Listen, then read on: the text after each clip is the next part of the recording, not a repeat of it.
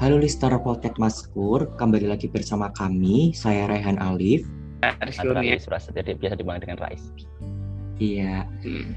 Nah, uh, teman-teman listener podcast Maskur, pada episode kali hari ini, di tentunya di episode spesial bulan Ramadan, kita akan bahas tentang uh, episode yang tentunya sangat menarik, terutama bagi uh, para remaja Muslim di Indonesia. Nah, uh, pemuda itu adalah tulang punggung peradaban suatu bangsa. Nah, bahkan uh, pemuda yang paling baik yaitu pemuda yang menyerupai orang dewasa, yaitu seperti uh, berpikir cermat, berbuat dan dapat menjadi pemimpin. Uh, bahkan uh, kita menjadi seorang pemuda tentunya kita harus memiliki uh, akal intelektual dan moral yang baik juga. Kemudian kita juga uh, mencontoh seperti uh, sikap-sikap uh, Rasulullah, bagaimana cara kita menjadi seorang pemuda Muslim yang uh, ideal sesuai dengan uh, tuntunan ajaran Islam. Iya benar seperti itu dan pastinya apalagi ngomongin pemuda-pemudi di Indonesia pun sangatlah banyak nggak hanya sedikit karena nantinya pemuda pemudi itu akan menerapkan bangsa kita untuk pemuda. Karena kita vibesnya sekarang lagi ramakan nah mungkin kita agak ke pemuda pemudi yang muslim. Nah uh, menurut Mas Rais sendiri nih pemuda pemudi muslim yang solihah atau soleh itu tuh seperti apa sih? Kan banyak kan orang-orang bingung atau kalau kita hanya sekedar rajin sholat itu sudah dibilang pemuda pemudi soleh atau hmm. hanya dengan kita menjauhi larangannya tapi kita tidak mengikuti ajaran Nabi tidak mengikuti sholat itu apakah masih dibilang sebagai pemuda pemudi yang soleh dan menurut Mas Rais itu gimana? Oh ya baik uh, sebelumnya uh, sebelum kita menginjak ke pemuda dan pemudi yang soleh atau solehah, uh, kita uh, tinjau terlebih dahulu pemuda, nah, terusan pemuda yang soleh itu seperti apa. Kalau di menurut Kementerian Pemuda dan Olahraga yang sekarang masih ada juga toh, pemu, pemu, kalau menurut pemuda ke, Kementerian Pemuda dan Olahraga, pemuda itu adalah orang yang berusia kurang dari 40 tahun. Jadi jadi uh, orang-orang yang milenial atau generasi yang sebelum 97 sebelum generasi Z ini bisa disebut dengan pemuda. Otomatis juga generasi Z atau orang yang lahir setelah generasi milenial uh, itu juga masih bisa disebut dengan pemuda. Jadi pemuda itu bukan orang yang berusia 18 tahun sampai 25 tahun, 18 tahun sampai uh, 30 tahun, tetapi kalau menurut Kemenpora orang yang berusia sebelum usia 40 tahun itu disebut dengan pemuda. Kemudian uh, kita mengacu ke pemuda Islam yang soleh. Jadi uh, perkataan-perkataan ini bukan menurut perkataan saya pribadi, tetapi saya kutip dari beberapa macam. Uh, karena uh, menurut Gus Baha itu orang yang baik itu adalah orang yang menyampaikan perkataan-perkataan ulama terdahulu sehingga perkataan ulama-ulama terdahulu itu tersampaikan kepada khalayak umum. Jadi kalau pemuda itu merupakan uh, tadi sebelum uh, usia 40 tahun, kemudian pemuda yang soleh itu seperti apa? Seperti yang ada di yang tercantumkan di surat ke-18 ayat 13 dan 14. Mungkin teman-teman semuanya sering membacanya ketika di hari Jumat atau kami sore menjelang Jumat uh, yaitu surat Al-Kahfi. Innahum fityatun amanu innahum fityatun amanu birabbihim wazidnahum huda warabatna ala qulubihim id qamu faqalu rabbuna rabbus samawati wal ard ila yaumil ila yaumil ayah. Jadi uh, pemuda yang soleh itu seperti apa menurut Al-Qur'an? Nah, jadi kan uh, surat Al-Kahfi itu kan dikisahkan sembilan pemuda yang uh, sangat soleh sekali yang kemudian bisa hidup selama beratus-ratus tahun, 300 tahun lebih. Jadi innahum fityatun adalah syaratnya adalah siapa? Pemuda Kemudian inhum fitnyatun, mereka adalah seorang pemuda amanu birabbihim. Mereka beriman kepada Allah Subhanahu wa taala. Kemudian mereka diberi petunjuk. inahum fitnatun amanu birabim wazidnahum huda kemudian mereka diberi petunjuk oleh Allah Subhanahu wa taala warabatna ala qulubihim kemudian mereka diteguhkan hatinya diteguhkan hatinya itu jadi uh, meniti jalan yang baik selalu baik dan tidak tergoyahkan oleh oleh jalan-jalan yang lainnya kemudian mereka senang inilah Tuhanku yang senantiasa aku uh, dakwahkan kepada kalian mereka uh, ini adalah Tuhan Rob semesta alam Robus sama wal dan semuanya pemuda itu selain dari menurut Kemenpora tadi dan menurut Al-Quran kalau menurut Dr. Gamal Albin Said uh, seorang dokter uh, yang pernah di kancah internasional yang salah satu eventnya atau proyeknya itu adalah klinik sampah dia itu mengatakan bahwa bahwa pemuda itu adalah orang uh, pemuda itu adalah matahari ketika di jam 12 siang yaitu matahari yang paling panas matahari yang sedang menyengat-nyengatnya. Jadi pemuda itu adalah orang yang senantiasa uh, membara semangatnya membara segala bentuk perilakunya. Seperti itu teman-teman semuanya. Sen tapi uh, juga uh, kemudian pemuda yang soleh itu seperti apa ya? Jadi uh, gini teman-teman semuanya. Jadi pemuda yang soleh itu selain yang ada disebutkan tadi di dalam sebuah hadis itu dikatakan bahwa sebuatun sebuatun yudilluhumullahu fi yaumal akan ada masanya akan ada masanya uh, hari di mana tidak ada naungan selain naungan dari Allah Subhanahu wa taala. Dan ada pun tujuh golongan yang akan mendapatkan naungannya Allah Subhanahu wa taala di hari kiamat nanti yaitu ketika matahari didekatkan sejengkal dari kepala tidak ada naungan selain naungan Allah Subhanahu wa taala yaitu salah satunya apa teman-teman semuanya? Yaitu pemuda yang senantiasa hatinya terpaut dengan masjid pemuda yang senantiasa terpaut dengan ibadah-ibadah kepada Allah Subhanahu wa taala.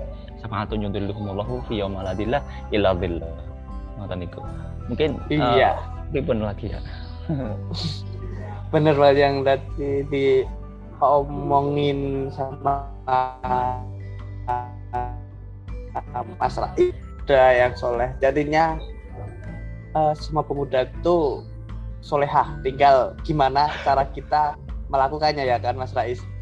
Gimana uh, cara kita menyikapinya gimana cara kita aksinya itu. Jadinya yang hmm. dibilang tadi Mas Rais juga pemuda yang solehah itu pemuda yang senantiasa yang dalam hatinya masjid.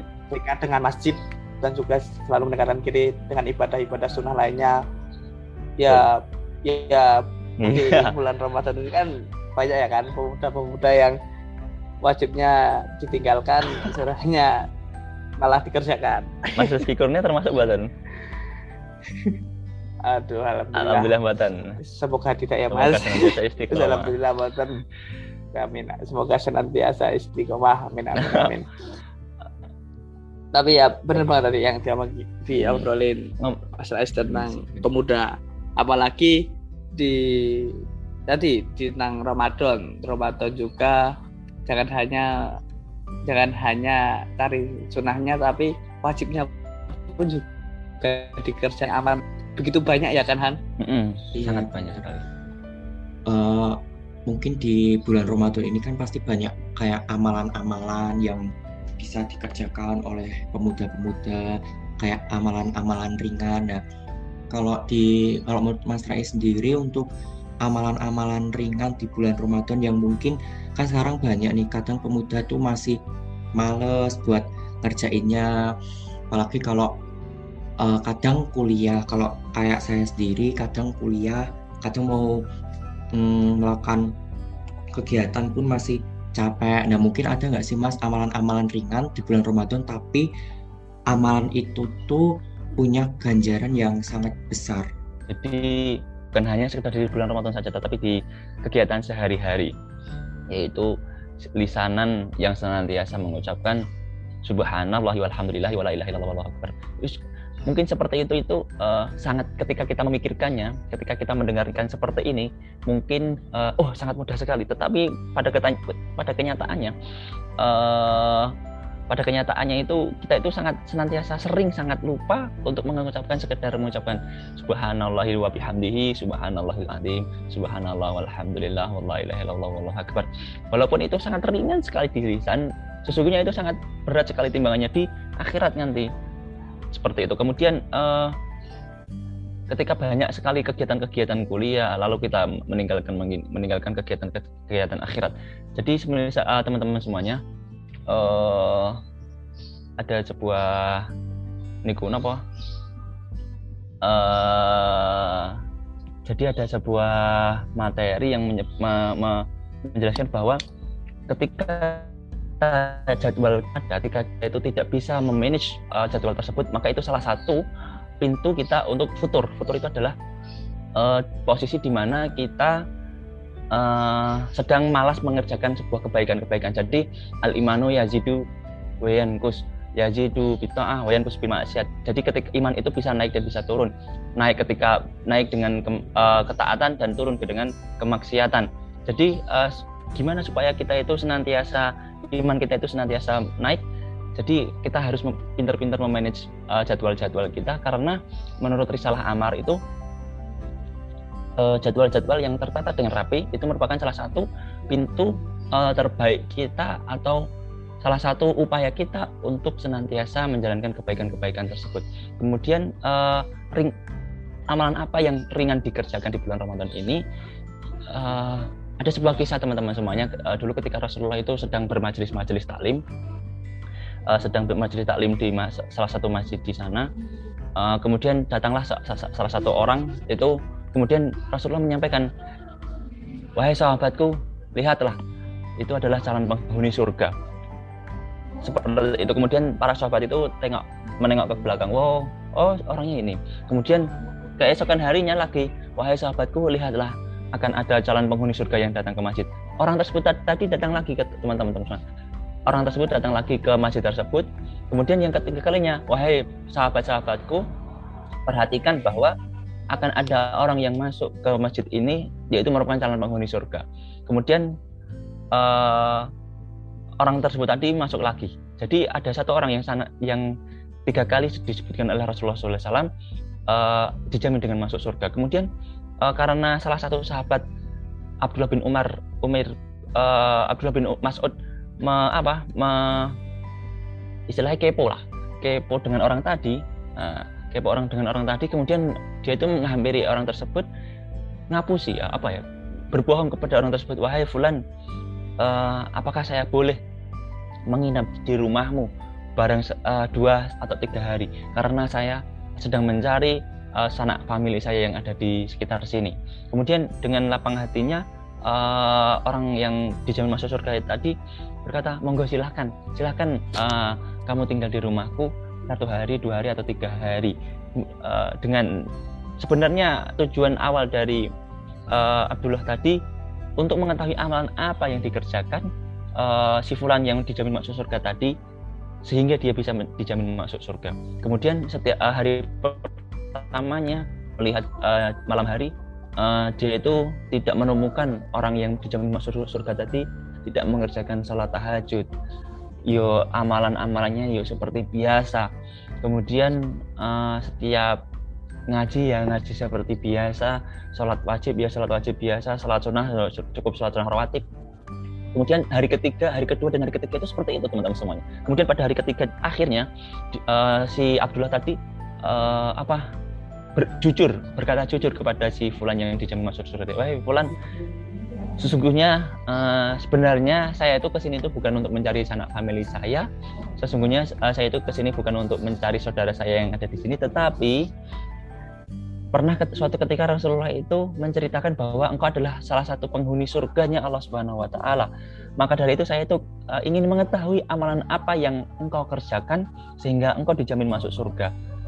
Padahal ketika malam hari saya tidak mendapatimu mengerjakan sholat tahajud, ketika pagi hari saya tidak mendapatimu sholat duha, dan amalan-amalanmu pun itu pun juga standar sholat sholat wajib, membaca Al-Quran ya membaca Al-Quran sebisanya, kemudian uh, sholat rawatib, tidak ada amalan-amalan spesial yang lainnya. Kemudian uh, si Fulan tadi mengatakan, wahai si wahai Abdullah, uh, walaupun engkau telah walaupun engkau melihatku mengerjakan amalan-amalan biasa mungkin ada satu ada satu amalan yang tidak pernah aku lupakan ketika menjelang tidur ya, yaitu apa memaafkan seluruh orang-orang yang ada di sekitarnya, memaafkan orang-orang yang pernah menyakitinya, ketika sebelum tidur itu sudah dimaafkan, kemudian orang tersebut tidak pernah merasa iri dan dengki kepada orang lain. Mungkin ketika kita itu itulah yang amalan yang bisa kita kerjakan di bulan Ramadan ini dan mungkin nanti setelah di bulan Ramadan. Jadi uh, amalan yang sedikit ya yang ringan tetapi bisa kita uh, untuk meningkatkan derajat pahala kita mungkin sekedar memaafkan orang lain dan me, tidak merasa iri dan dengki kepada orang lain. Walaupun uh, setiap kebaikan-kebaikan itu teman-teman semuanya setiap kebaikan-kebaikan itu sangat sulit kita kerjakan. Seperti itu walaupun uh, menurut Gus Bah itu juga sebenarnya kita itu sudah diberikan diberitahu oleh Allah apa sih kunci surga itu seperti itu. Allah itu sudah memberikan kita uh, kunci surga yaitu apa? Lafal la ilaha illallah. Tapi mereka jadi uh, kita senantiasa suudun eh khusnudan kepada Allah Subhanahu wa taala. Cukup khusnudan khusnudan khusnudan mawon kepada Allah Subhanahu wa taala dan mengerjakan sebaik sebaik baik mungkin dan seoptimal mungkin Iya sih benar ya mas. Berarti memang apa ya amalan-amalan kecil kalau kita rutin istiqomah insya Allah bisa membawa ke surga. Tapi uh, menyinggung hmm. sedikit yang maafkan tadi emang benar sih mas. Apa ya? Apalagi kan sekarang tuh maafkan itu tuh bukan hal yang mudah gitu loh buat setiap manusia memaafkan kesalahan orang lain. Apalagi kalau itu kesalahannya tuh uh, benar-benar membuat uh, sakit hati. Tapi aku juga pernah dengar kata-kata gini. Kalau maafkan itu tuh menyembuhkan dan menguatkan memaafkan itu tidak mengubah masa lalu tapi akan merubah masa depan.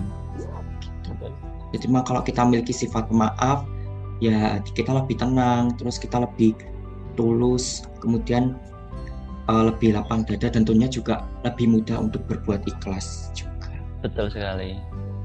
Seperti itu. Hmm, Jadi mungkin ada pernah ada apa uh, pengalaman Mas Rehan atau Mas Rizky tentang memaafkan itu. Mungkin Mas Rehan ini ya. Boleh dia teman-teman. Tapi iya benar kata Mas Rehan, Mas Rais juga.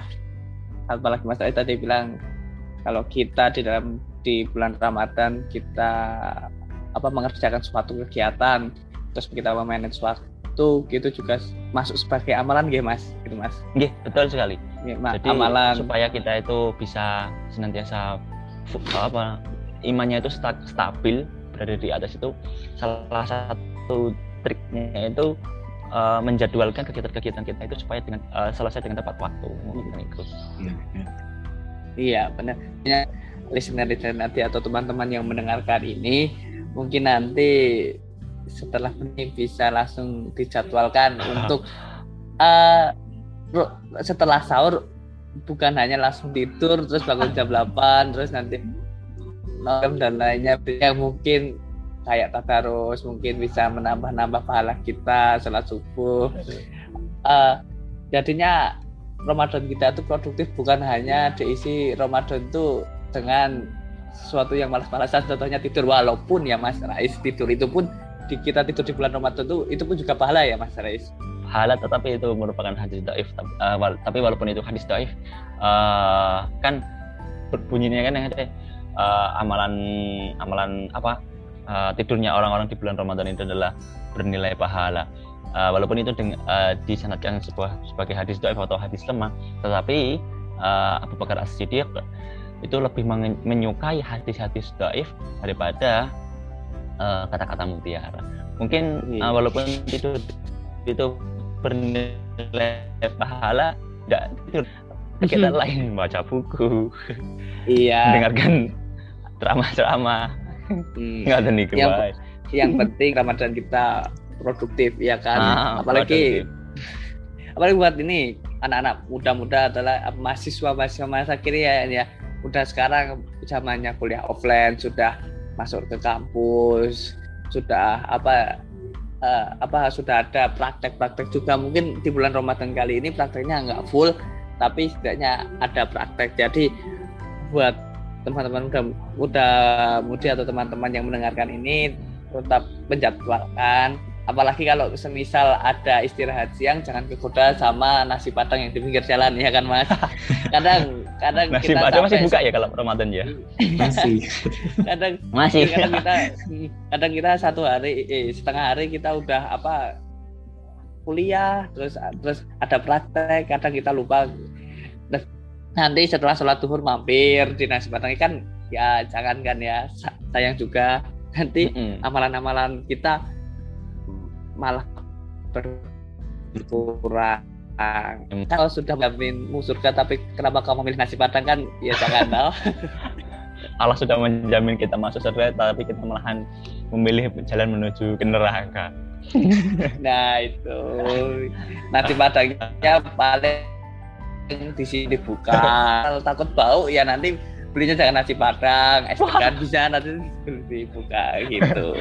Oh iya jadi kalau misalnya uh, teman-teman mahasiswa itu uh, apa uh, mau meningkatkan derajat pahala itu monggo apa silahkan niatkan ketika teman-teman itu kuliah ketika teman-teman itu praktikum itu meniatkan untuk mencari ilmu bersungguh-sungguh mencari uh, majelis ilmu. Jadi ketika kita sudah meniatkan untuk mencari sungguh-sungguh mencari ilmu, maka itu akan dicatat sebagai Allah Subhanahu wa taala sebagai amal ibadah kita. Tolabul ilmi faridatun ala kulli muslimin muslimat.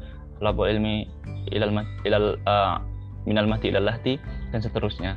Seperti itu. Dan dan uh, malaikat-malaikat itu akan senantiasa menaungi sayap-sayapnya uh, di majelis-majelis ilmu. Iya, benar banget. Dan juga saya pun juga pernah dengar ya Mas Rais kayak kalau kita meniatkan kita untuk sholat tahajud, walaupun kita sudah berusaha untuk alarm, tapi diri kita pun belum bangun di sholat tahajud itu, kita sudah mendapatkan amalan sholat tahajud itu. Iya, betul sekali, mantap sekali. Jadi ketika kita itu uh, berniat untuk berbuat baik itu sudah dicatat oleh Allah Subhanahu wa taala menjadi satu kebaikan dan kemudian ketika kita mengerjakannya itu dicatat oleh Allah Subhanahu wa taala menjadi sepuluh kebaikan. Tetapi uh, berbeda dengan keburukan. Ketika kita berniat untuk berbuat buruk dan itu belum kita laksanakan itu tidak dicatat oleh Allah Subhanahu wa taala sebagai keburukan atau sebagai dosa. Dan kemudian ketika kita melaksanakan keburukan yang kita niatkan tadi tadi uh, dicatat oleh Allah Subhanahu wa taala sebagai satu dari kesalahan tapi ini mas. Mas Rez hmm. uh, mungkin uh, aku yang pengen bertanya sama mas Rez dari sekian tadi tentang amalan terus tentang pemuda yang solehah juga amalan di rumah itu juga banyak banget. Saat uh, uh, mungkin orang-orang sudah apa mengerjakan amalan-amalan itu semua ya kan? Udah wajib gitu wajib, sholat wajib sholat sunnah. Terus kadang nih ada satu orang yang kayak dia nggak mengerjakan apa-apa tapi rezekinya lancar. Dan yang yang orang itu yang apa? Yang orang itu yang sudah yang sudah kan amalan-amalan itu tapi biasa-biasa aja kayak kayak stuck di situ-situ aja gitu. Kadang kan uh, kadang kan orang bingung kenapa yang ini apa satunya rezekinya lancar tapi dia jarang mendekatkan diri kepada Allah tapi yang satu ini sering mendekatkan diri dengan Allah tapi hanya di situ saja. Hmm. Kalau menurut Mas Pak Es itu bagaimana pemandangan yang seperti itu karena di mungkin di dunia sekarang mungkin banyak ya yang seperti itu. Nah, menurut pandangan Mas Pak Es itu seperti apa? Oh, banyak banyak. Semoga Mas Pak Es. Ya, kali ya teman-teman jadi makan apa slot slot gitu. kan ini kan sedang tren tren ya. Yeah, yeah, yeah. mengerjakan apa mengikuti slot mengikuti trading yang tidak jelas mengikuti judi online. Wah ternyata mereka itu diberikan kenikmatan kenikmatan yang sangat banyak sekali. Itu sebelumnya itu disebut dengan kalau di istilah agama itu disebut dengan istidraj. Jadi uh, seperti kisahnya kaum Nabi Hud jadi mereka itu diangkat oleh Allah Subhanahu wa taala uh, diangkat oleh Allah Subhanahu wa taala setinggi mungkin. Jadi dielu uh, di dimanjakan oleh Allah Subhanahu wa taala. Tapi pada akhirnya nanti Allah akan balikkan dalam mentah. Uh, jadi senantiasa mengerjakan maksiat uh, uh, tetapi Allah uh, tapi uh, segala uh, kegiatan-kegiatan itu kita itu sangat lancar sekali rezeki masih lancar nilai-nilai juga masih baik uh, hubungan dengan dosen juga masih baik. Itu mungkin uh, kita itu sedang di sedang diuji, uh, di apa diuji oleh Allah dengan kenikmatan.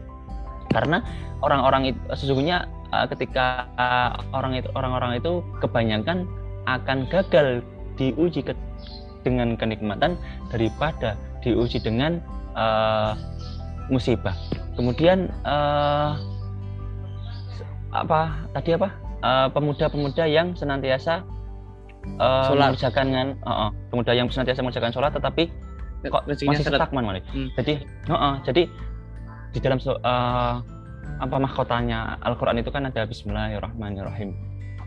Uh, Ar-Rahman Ar-Rahim. Jadi Allah itu memberikan Ar-Rahmannya kepada seluruh semesta dan Allah akan memberikan Ar-Rahimnya kepada orang yang beriman. Jadi ketika kita uh, melihat orang-orang yang mereka-mereka itu yang mengerjakan kemaksiatan tetapi masih masih apa? Masih diberikan Allah oleh Allah kenikmatan uh, itu Ar-Rahmannya Allah itu sedang bekerja. Dan ketika hmm. kita itu uh, masih stuck di sini saja masih pancet nenggen gini wae uh, mungkin itu merupakan salah satu ujian kita untuk meningkatkan derajat kita menuju derajat yang lebih tinggi. Karena uh, salah satu untuk saatkan kita ketika kita mau menuju ke SMP kita harus menyelesaikan ujian kita di SD begitu juga ketika mau kita kuliah kita harus menyelesaikan ujian kita yang ada di SMA jadi kita selesaikan ujiannya oleh Allah Subhanahu Wa Taala terlebih dahulu kemudian kita lulus dengan ujian tersebut kemudian kita akan masuk ke level yang lebih tinggi dan akhirnya kita akan digumulkan oleh Allah uh, dengan para sahabat para alim ulama di surganya nanti. Seperti iya. itu benar benar Nah, jadinya buat teman-teman apa atau pendengar-pendengar ini kalau semisal kalian masih lagi di keadaan bottom atau bawah lagi susah, mungkin ini ujian dari Tuhan. Dan nantinya karena percayalah kalau setelah ujian yang berat itu pasti ada kesenangan, iya kan? betul. Benar banget di kehidupan juga semua butuh kesabaran nggak langsung semuanya mm-hmm. instan. Kalau mie, in, mie instan aja harus digodok dulu ya kan mas mas jadi semuanya jadi ada prosesnya. semua harus ada proses. Iya keren. Yes. dan benar tadi kata mas Ais tapi ini mas uh, uh, kadang orang-orang pun bertanya-tanya apa kayak orang-orang yang sering berbuat maksiat, orang-orang yang sering berbuat keji, terus orang-orang yang jarang sholat, masih suka main slot lah, zina gitu. Apa dia tuh bisa nggak sih ditunjukkan oleh surganya Allah? Hmm. Masih bisa nggak sih orang-orang yang seperti itu tuh? Oh, baik. Jadi teman-teman semuanya, uh, sungguh Allah itu sangat memiliki 99 sifat yang mungkin uh, jarang kita baca, yang sejujurnya itu ada di uh, apa cover Al-Qur'an yaitu disebut dengan apa Asmaul Husna atau nama-nama baik, baik Allah, Allah Subhanahu wa taala mulai dari uh, Ar-Rahman, Ar-Rahim, Al-Malik, Al-Qudus dan seterusnya sampai akhir 99. Jadi uh, ketika orang-orang yang senantiasa berbuat maksiat, orang-orang yang senantiasa berbuat dosa, apakah itu uh, bisa dirindukan uh, surganya Allah? Jawab saya bisa teman-teman semuanya. Jadi janganlah kita berputus asa dari rahmat Allah Subhanahu wa taala. Marilah kita senantiasa menimbulkan kecintaan kepada Allah Subhanahu wa taala karena kecintaan itu eh, kecintaan itu akan menimbulkan harapan sedangkan uh, ketakutan kita kepada Allah Subhanahu wa taala itu akan menimbulkan keputus asa keputusasaan. Jadi ketika kita beribadah itu uh, landaskan dari landasan kecintaan kepada Allah. Jangan landaskan dari dari ketakutan walaupun derajatnya itu ada kecintaan, kemudian derajat timbal balik, kemudian ada derajat uh, ketakutan. Yang paling tinggi adalah derajat kecintaan kepada Allah Subhanahu wa taala. Ketika kita sudah cinta kepada Allah Subhanahu wa taala, maka kita akan senantiasa berharap kepada Allah Subhanahu wa taala dan kita akan senantiasa berkhusnudun kepada Allah Subhanahu wa taala. Kemudian apakah orang yang nanti berdosa itu akan dirindukan oleh Allah silahkan jadi ada ya. sebuah kisah yang mengisahkan uh, salah satu orang yang uh, membunuh 99 orang. Uh, membunuh 99 orang itu dengan sadar teman-teman semuanya. Jadi membunuh 99 orang dia juga senantiasa bermaksiat dia juga senantiasa meminum alkohol memabuk dan main wanita, mendem dan dan lain-lainnya. Kemudian dia itu datang ke, ke, ke salah satu orang dasarnya orang yang didatangi uh, tidak paham dengan ilmu. Wahai si Pulan apakah saya bisa uh, ketika saya bisa berto ketika saya bertobat apakah tobat saya nanti diterima dan oleh Allah bisa bisa masuk surga kemudian uh, si yang ditanya tadi itu menjawab kamu tidak bisa karena kamu sudah membunuh 99 orang dan kamu sudah ber, senantiasa bermain judi, bermaksiat kepada Allah Subhanahu wa taala. Kemudian uh, dia itu langsung berkata seperti ini. Ya sudah, ketika saya tidak bisa uh, diterima taubat saya, lebih baik saya sekalian membunuhmu sehingga genap 100 orang yang saya bunuh. Kemudian dia uh, setelah membunuh itu dia langsung berjalan keluar uh, mencari jalan lah ya, mencari jalan para uh, mencari jalan pejuang. Di antara jalan-jalan tersebut kemudian dia langsung mendatangi so rumahnya seorang alim ulama. Kemudian ketika itu dia itu bertanya seperti itu ya ya alim ulama ya fulan saya sudah membunuh 100 orang saya senantiasa bermaksiat kepada Allah Subhanahu wa taala. Saya uh, apa saya sudah senantiasa bermakbuk-makbukan. Apakah nanti ketika saya bertobat tobat saya diterima oleh Allah maka dengan dengan sopan santun dan penuh ilmu uh, si fulan tadi menjawab bisa bisa. Allah akan senantiasa menerima taubat-taubatnya orang-orang yang senantiasa bertaubat. Allah akan senantiasa menerima orang-orang yang menyesali dosa-dosanya orang Allah Allah Allah Allah akan senantiasa menerima taubatnya orang-orang yang menyesali dosanya sehingga nanti kemudian uh, apakah orang tersebut dirindukan surga iya betul Kemudian uh, si Fulan yang memberikan nasihat tadi berkata, ketika kamu ingin bertobat, tobatlah secara tobat nasuha, tobat secara sungguh-sungguh, tobat secara tobat nasuha. Kemudian uh, sarannya kamu harus keluar dari lingkungan karena lingkunganmu inilah yang membentukmu menjadi seperti ini. Lingkunganmu lah uh, yang membentukmu menjadi orang yang senantiasa bermaksiat. Maka lebaran bukan mencari kitab suci ya. bukan seperti kerasakti yang berjalan menuju ke barat mencari kitab suci, tetapi berjalanlah menuju ke barat untuk meninggalkan kotamu tadi menuju kota yang lebih baik. Jadi ketika dalam perjalanan, perjalanannya itu masih dalam setengah lebih sejengkal menuju kebaikan. Kemudian dia mati, belum sempat mengerjakan kebaikan, kemudian masuk surga. Dijamin oleh Allah Subhanahu wa taala sebagai taubat dan nasuha. Karena apa? Karena dia sudah bersungguh-sungguh meninggalkan uh, tempatnya yang dulu menuju ke tempat yang lebih baik. Menuju tempat yang lebih baik menuju surganya Allah Subhanahu wa taala dan menuju taubat-taubat yang taubatan nasuha. Oleh Allah dicatat sebagai amal ibadah yang sangat baik sekali. Itulah salah satu kisah yang mengisahkan uh, taubaters kalau sebutan kita itu. Yang orang yang senantiasa berbuat dosa tetapi masih dirindukan oleh Allah dirindukannya oleh surganya Allah Subhanahu wa taala. Iya sih mas. Berarti memang apa Allah itu maha pemaaf ya mas ya. Mas tapi uh, apa saya juga pernah dengar kisahnya yang ini. Kisah perempuan yang maaf pelacur itu yang dia ban ngasih minum sama anjing yang kehaus tuh loh mas yang dia turun ke sumur hmm. dia ngasih uh, dia kasih minum ke anjingnya itu terus anjingnya itu kayak masnya dia masuk surga karena menolong hewan yang kehausan itu. Berarti betul sekali. Iya. Berarti menolong pun juga apa ya maksudnya dengan kita berbagi kebaikan kepada orang lain itu juga bisa bawa kita ke dalam surga. Betul sekali Mas Rehan. Jadi uh, awan alal birri Jadi senantiasa tolong menolonglah dalam kebaikan dan ketakwaan. Uh, salah satu tolong menolong adalah tolong menolong dalam sesama makhluk karena hewan tersebut juga makhluknya oleh Allah, Allah, Subhanahu wa taala. Dan uh, mungkin rezeki dari makhluk itu tadi dari si pelacur tadi yang uh, apa mengambilkan se, uh, secangkir air dari sepatunya kemudian diberikan oleh anjing. Diberikan anjing tadi sehingga anjing itu tidak merasa kehausan. Seperti itu. Tapi Mas Rais kalau seumpamanya nih kan hati kan bolak-balik ya. Maksudnya kan hati kita kan kadang bolak-balik. Itu kalau kita maksiat tobat maksiat tobat tapi itu sebenarnya kita tuh di dalam tobat kita tuh niat kayak berdoa ya Allah kapan ya bisa keluar dari uh, lingkup maksiat ini? Tapi nanti berapa bulan maksiat lagi berapa bulan maksiat lagi tapi sama dosa yang sama.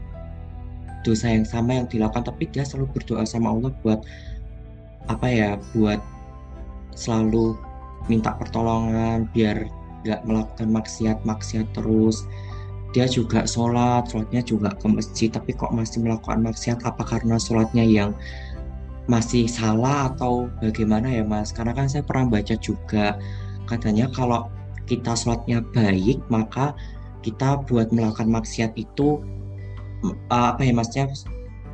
Gak mudah buat melakukan maksiat saya juga pernah dengar kalau supaya kita lihat kalau supaya kita masih melakukan maksiat coba kita lihat sholat kita apakah udah benar atau belum. Seperti itu mas. Kalau tanggapan mas Rais gimana mas? Jadi uh, kita sudah senantiasa ber, uh, sholat tewis seperti itu tetapi kita masih melakukan kemaksiatan kemaksiatan yang bersama. Tobat maksiat lagi tobat maksiat lagi tobat maksiat lagi. Uh, jadi betul seperti yang dikatakan mas Ryan tadi. Ketika kita itu mau berbuat baik maka berbuat baik lah mau mulai dari mana?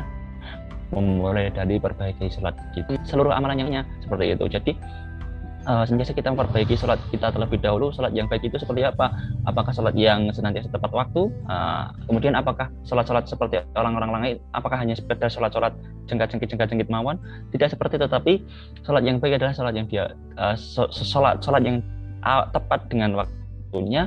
Kemudian Allahumma ba'id baini wa baina khataya kama ba'ada bainal masyriq wal maghrib. Ya Allah aku uh, ya Allah Allahumma ba'id baini ya Allah jauhkanlah diriku dan dosaku antara diriku dan dosaku seperti Engkau menjauhkan antara barat dan timur.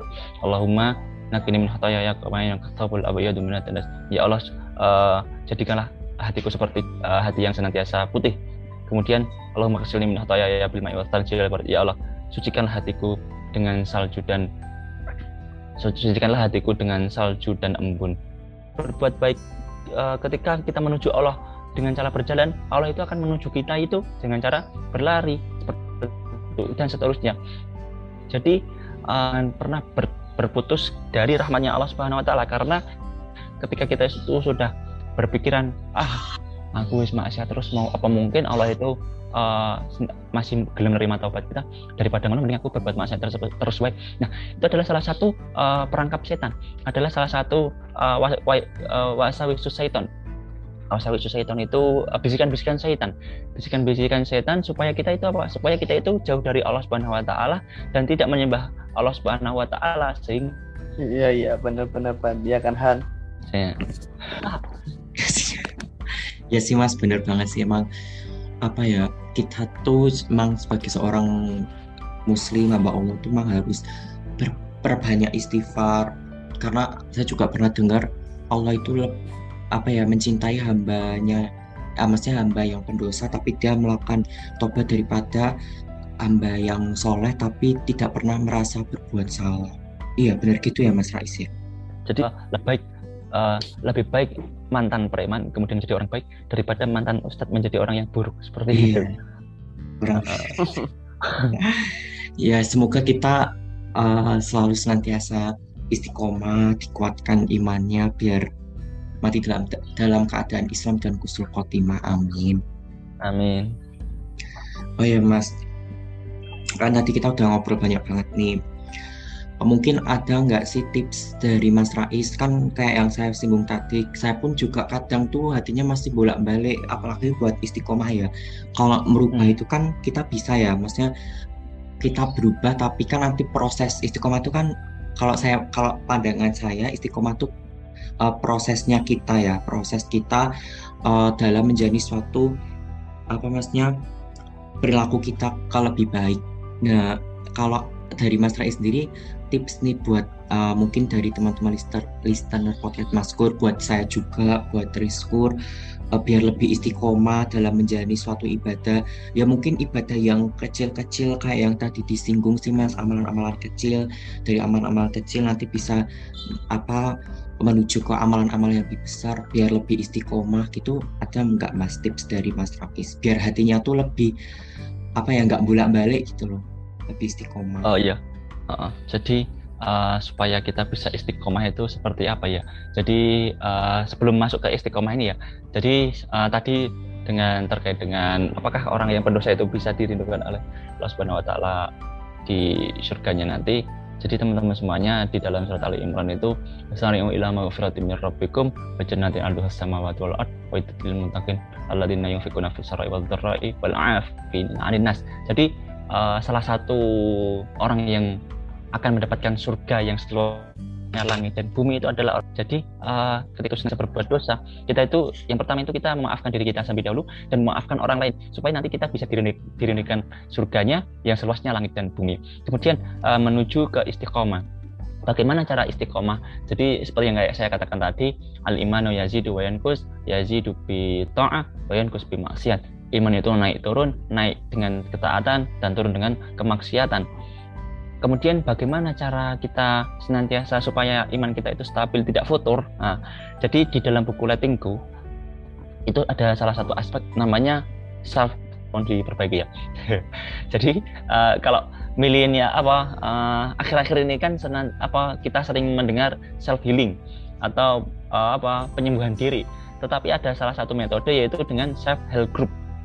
Self help group itu adalah uh, komunitas yang membentuk untuk senantiasa menolong kita. Seperti apa? Jadi uh, ibaratnya itu seperti ini teman-teman. Jadi ketika kita itu masih berada di level di level 1, kemudian kita mencari grup atau mencari lingkungan, mencari lingkungan yang levelnya itu di atas kita itu bisa naik ke level 10. Ini seperti apa? Seperti uh, kegiatan kalau di fisika kalau nggak kimia itu ada istilahnya osmosis ya. Osmosis itu uh, apa perjalanan uh, dari tekanan tinggi menuju ke tekanan rendah atau tekanan rendah menuju ke tekanan tinggi. Seperti itu. Jadi uh, ketika kita itu mau supaya iman kita itu senantiasa naik yuk kita mencari lingkungan yang mendukung uh, mendukung untuk senantiasa iman kita itu naik. Senantiasa kita bisa berbuat istiqomah. Jadi uh, perbaiki lingkunganmu uh, yang mau support dirimu untuk berbuat baik. Karena seperti yang dikisahkan tadi orang yang diminta untuk hijrah tadi orang yang akhirnya meninggal di perjalanan tadi dia itu apa? Dia itu juga untuk mencari lingkungan yang baik kok. Dengan meninggalkan lingkungannya yang dulunya yang buruk. Cari lingkunganmu yang mendukung supaya kamu bisa beristiqomah uh, karena yang paling baik itu adalah hidup berjamaah dan senantiasa meng menghidupkan sunnah.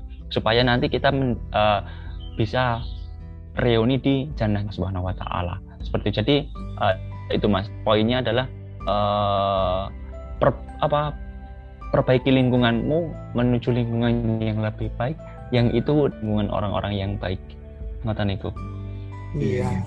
Berarti benar, lingkungan itu emang tadi yang kalau kan kita kan sering mendengar kisahnya kalau kita ber apa bergaul dengan pandai besi maka kita akan terciprat besi apa percikan api dari besinya tapi bergaul dengan minyak wangi kita kita akan uh, tercium juga wangi dari penjual minyak wangi tersebut. Jadi ke, uh, ketika kita mau berbuat baik, yuk lihatlah ketika kita mau melihat apa karakter seorang, lihatlah bagaimana temannya.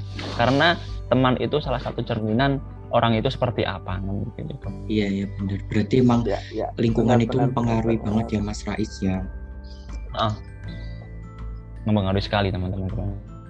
Makanya uh, mungkin untuk teman-teman oh ya untuk teman-teman uh, listener podcast Maskur mungkin yang uh, mendengarkan episode hari ini pada episode kali ini mungkin mulai sekarang bisa mencari lingkungan yang baik teman-teman yang baik yang tentunya tidak hanya membawa kebaikan di dunia tapi juga bisa membawa kebaikan kita di akhirat nanti. Iya benar-benar banget. Uh, tadi kita bertiga juga ngobrol banyak-banyak janganan sama Mas Rais tentang pemuda, terus apa amalan yang di bulan Ramadan, terus perbuatan-perbuatan yang kecil dan sampai akhirnya kita tips gimana caranya sih kita tips trik oh istiqomah. Mungkin ini bisa buat pembelajaran buat aku, Reha dan juga Mas Rais juga untuk menjadi seseorang yang lebih baik lebih bisa menekan diri kepada Allah. Walau kadang setiap manusia itu tidak ada yang sempurna tapi bagaimana kita melakukannya agar kita bisa apa bisa mengikutinya. Iya yeah. ah, mungkin ini ini juga buat listener juga untuk bisa membuat jadi pandangan untuk menjadi lebih baik lagi. Oh iya. dan juga buat listener yang mendengarkan ini atau teman-teman yang mendengar ini jangan lupa untuk follow Instagram kita apa Rehan? Oh ya untuk teman-teman jangan lupa untuk follow Instagram kita at maskur.podcast double s double r dan jangan lupa untuk follow TikTok TikTok dan Twitter kita Pariskur at maskur double s double r untuk TikTok dan untuk Twitter at maskur podcast dan jangan lupa untuk isi chorus chat dan isi keluh kesah kalian akan kita baca dan mungkin ada saran-saran rekomendasi akan kita baca juga. Oke, sebelum kita menutup apa ceramah, Episode, ceramah iya. episode kali ini, episode kali ini. Kita, mungkin aku sama Rian kayak dengerin ceramah ya, Han. Iya. Kita kayak di sini kayak Sharing ini. ya.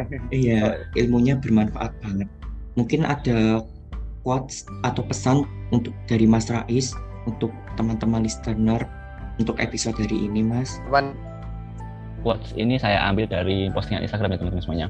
Eh, pada awalnya orang itu bangga dengan pilihannya, namun tidak semua orang mampu tetap setia. Sebab yang tersulit bukanlah memilih, tetapi bertahan pada sebuah pilihan. Jadi ketika kita Nah. ketika kita itu sudah eh, memilih untuk berbuat baik, ya wes yang lalu tinggalkan. Walaupun pada akhirnya itu eh, bermain trading, bermain itu sangat menyenangkan yang sangat besar. Tetapi kalau itu buruk ya silahkan tinggalkan. Marilah kita menuju ke eh, pilihan-pilihan yang baik eh, supaya itu bisa menguntungkan kita di akhirat nanti. Karena uh, dunia mazru'atul akhirah. Karena eh, dunia itu adalah ladangnya dari akhirat. Apa yang kita tanam di dunia akan kita tuai di akhirat nanti. Iya.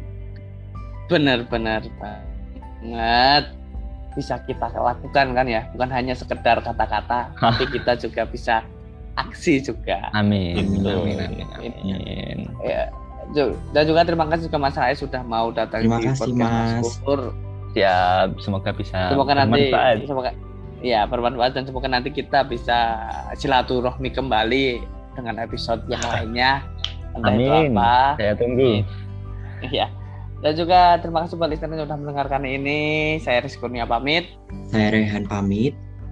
Dan saya Muhammad Rais Prasetyo. Sampai, dan sampai jumpa. juga sampai jumpa di episode selanjutnya semuanya. See see you you guys. See you the next episode